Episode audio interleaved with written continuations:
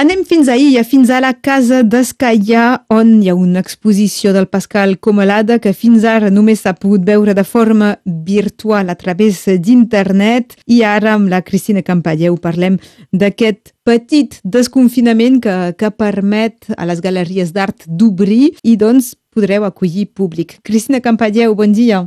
Bon dia. Sou contents de, de en fi, poder sí, ensenyar com, aquestes obres? Com deies, és un petit desconfinament, però molt important, perquè aquesta expo del Pascal ha sigut um, confinada des del primer dia. És que ni hem pogut obrir. Doncs el dia 30 de novembre... S'havia d'inaugurar el dia que començava el confinament. I doncs, eh, la sort que hem tingut és de preveure una mica i tenir un vídeo fet per joves d'aquí Illa, eh, una associació, una junior associació de, de cinema, de vídeo, que ens ha fet tota l'expo en, en vídeo i que l'hem pogut comunicar. I doncs hi ha hagut interès. També hi ha gent local que l'ha vist, perquè han pogut venir, passar, i el, el dia abans del confinament havíem obert últim minut gent havien vingut, però mira, ara endavant. La cosa que no ha sigut possible és que um, havíem previst una cobertura sud-catalana de premsa amb un company, uh, l'Isaac, que se n'ha cuidat i ens havia portat molt, moltes coses. Hem tingut de cancel·lar entrevistes i visites d'aquests periodistes. Això i la presentació ara, dels discos eh, i llibre disc? Llibre disc i exposició. Doncs a veure ara si tornem a trobar mitjans de, com, de comunicació que amb l'agenda que, que ja ara poden encara venir, uh, però si no, mira, la gent del país podrà venir i, i val la pena veure l'exposició perquè és molt bonica, hi ha moltes coses i molta varietat, sobretot. El fet d'haver conviscut amb ella quasi uh, de forma particular uh, per part teva i del Dimitri, què ens en pots dir? Amb els dies evoluciona fins i tot la, la mirada, el joc? Sí, tant, i, i hi ha una cosa que puc dir és que hi ha diverses historietes, poso cometes expressament perquè són històries eh, grans, però escrites dins de, uh, dels quadres. En Pascal Busca va fer recerca històrica de coses, per exemple, i compta això dins, uh, dins la seva pintura. Doncs tens uh, el dia que um, l'Aristides Mayol ha pujat cap a Bernet per encontrar-se amb el Raül Dufy i que és baixant d'aquest moment, d'aquesta trobada, que s'ha matat amb el cotxe a, a, a l'última gira sortint de, de Prada.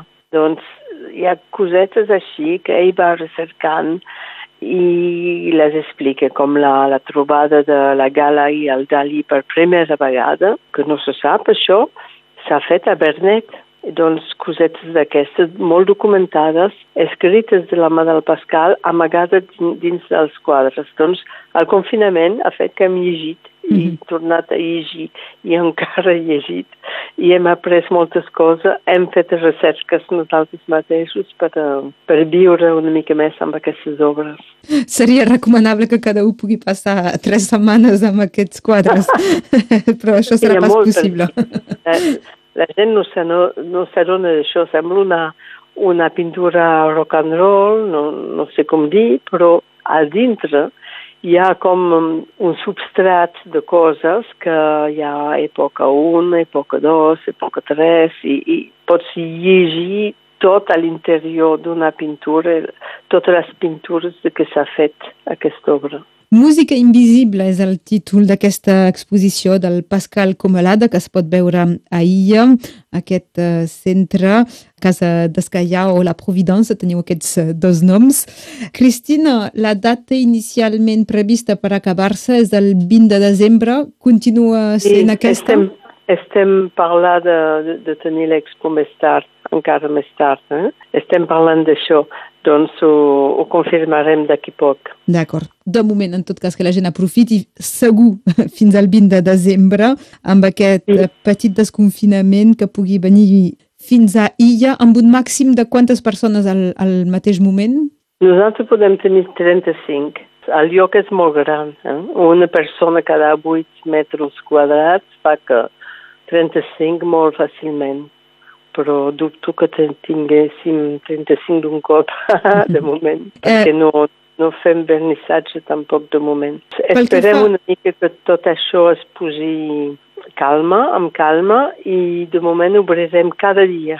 Això segur obrirem cada dia, dissabte de les 10 a les uh, 19 hores, de les 10 del matí a les el, 7. El dissabte serà de les 10, a les, de les 10 del matí a les 7 de la tarda, això? Sí, I els altres dissabte. dies de la setmana un poc menys? Tots els altres dies de la 4 de la tarda a les 7 de la tarda. I pel, pel que fa dels diumenges? De les 4 a les 7. D'acord.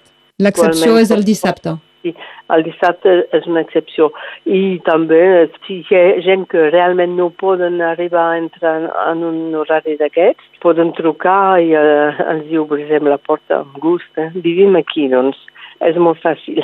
Això és pel que fa d'aquesta mm, exposició. Eh, el vídeo el deixareu igualment penjat? Sí, sí, està penjat al Facebook. Eh, el podem enviar per la gent que, que ho demani amb la pàgina Facebook o el compte Instagram o el Twitter ens poden trobar i demanar si el volen, cap problema. És pas perquè ara se pot fer presencial que l'heu tret d'internet i així la gent ho pot veure abans de venir i, i tindrà una altra impressió quan arribi. Sí, exacte.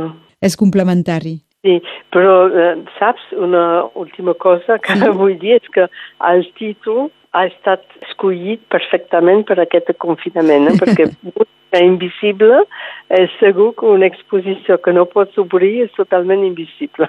Això doncs, sí. Ara a tornar a ensenyar les obres de Sant Pascal que realment val la pena de venir cap a ella i a descobrir. I també tenim el llibre, el llibre disc. L'Orient il·lustré. Per acabar, se pot dir que la música invisible per fi és visible. sí, és molt visible.